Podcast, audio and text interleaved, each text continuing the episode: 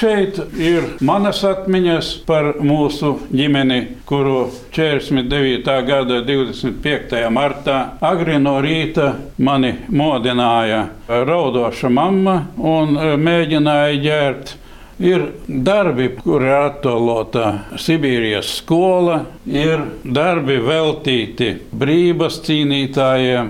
Rīgas Latgales priekšpilsētas politiski represēto biedrības vadītājs Andrejs Visvaldis Pūriņš stāsta par vairāku organizācijas biedru ģimenes locekļu fotografiju, vēstuļu un dokumentu kopijām, kā arī par mākslinieka Jāņa Ploriņa no auduma veidotām kolāžām. Lai gan visas vēsturiskās liecības esot pašvaldības īpašumā, to turpmākais liktenis nav skaidrs. Biedrība ir saņēmusi iespaidīgi lielu rēķinu par komunāliem pakalpojumiem. Par laiku no pārnā gada pavasara līdz decembrim pašvaldība pieprasa vairāk nekā 1300 eiro. No vairāku stāvu ēkas, kas atrodas Daugopils ielā 31, biedrība īrē tikai 57 kvadrātmetrus. Elektrību uzskaita viens skaitītājs, ūdeni otrs, bet šeit strādā pilsonības migrācija migrācijas eh, lietu pārvaldes. Šeit strādā būvvalde, Rīgas domes struktūra vienības. Mēs ievērojām precīzi norādījumus. Nepulcēties, nepulcēties, un bija aizliegums. Nē, mums ir astronomiski rēķins.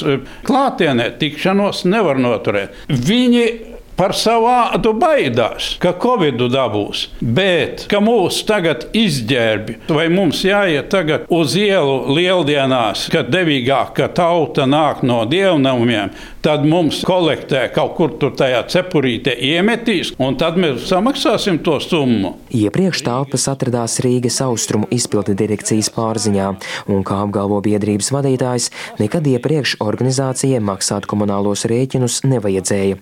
Visu nokārtoja direkcijas toreizējais vadītājs Dmitrijs Pavlovs. Pagājušā gada pavasarī jaunā doma izpildu direkcijas likvidēja, un to vietā izveidoja apkaimju iedzīvotāju centrus. Uzzinot, ka iestāde likvidēs, biedrība vairāk kārt vērsusies pašvaldībā, taču komunikācija ar domu nesot bijusi sekmīga. Biedrība lūgusi domē telpas lietot bez atlīdzības uz desmit gadiem, taču īpašuma departamentā atbild, ja biedrība nepiekrīt sekt izdevumus, projektu virzīt uz domes sēdi nevar. Kā iespējamo risinājumu vieta var piedāvā laust tagadējo telpu nomas līgumu un istabas nodot apkaimu iedzīvotāju centram, ar ko represēti deputātie varētu vienoties par cita veida sadarbību. Pūriņš norāda, ka biedrība par komunāliem rēķiniem samaksāt nevar, tāpēc no aprīļa telpas pametīs. Pirmajā vēstulē atbildē vajadzēja to ierakstīt, bet nē, klusēja. Un vēl klusē arī tagad izliekās, ka esam aizņēmuši mēs ar savu īpašumu. Tas ir jūsu īpašums, un gādājiet un maksājiet par viņu visu pilno maksu, jo jūs jau tērējat nevis savu naudu, jūs tērējat pilsētas iedzīvotāju nopelnīto samaksāto naudu. Pilsētas īpašuma komitejas vadītājs Dainis Locis no Nacionālās apvienības uzsver, ka pašvaldība nevar samaksāt rēķinus par organizāciju. Pēc izpilda direkciju likvidēšanas par ēkas apsaimniekotāju kļuva pašvaldības kapitāla sabiedrība Rīgas servis.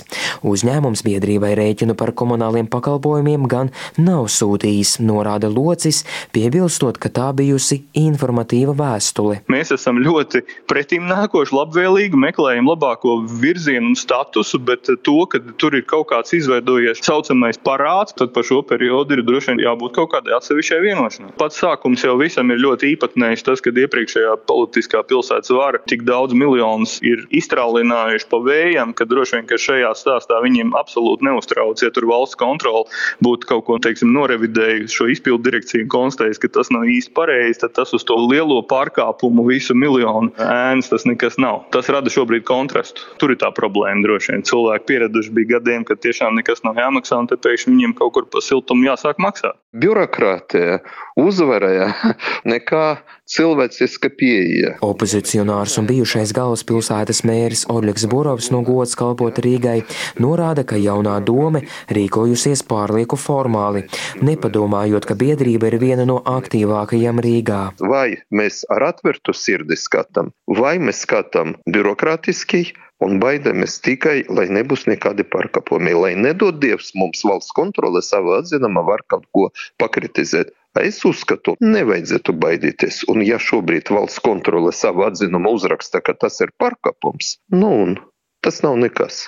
Galvenais, lai tie cilvēki tiešām represēta biedrība, ka mēs saprotam, nu kā viņam nav nekāda ienākuma, ja viņi var šīs telpas lietot. Cits stāsts, ja viņi lieto no rīta līdz vakaram, tad, protams, viņam vajadzētu maksāt proporcionāli. Pēc daudziem Latvijas radio jautājumiem izskatās, ka doma savu nostāju ir mainījusi, jo, kā apgalvo Borovs, tad īpašuma departamentā situāciju ir apzinājušies. Viņi uzskatot, ka biedrībai jānonāk apkaimju iedzīvotāju centra paspārnē. Pastāv arī arī liela iespēja, ka organizācijai par komunāliem pakalpojumiem vairs nevajadzēs domāt. Turklāt, lai problēmu atrisinātu, departamenta vadītājs jau esot norunājis tikties ar biedrības vadītāju. Viktors Demidovs, Latvijas radio.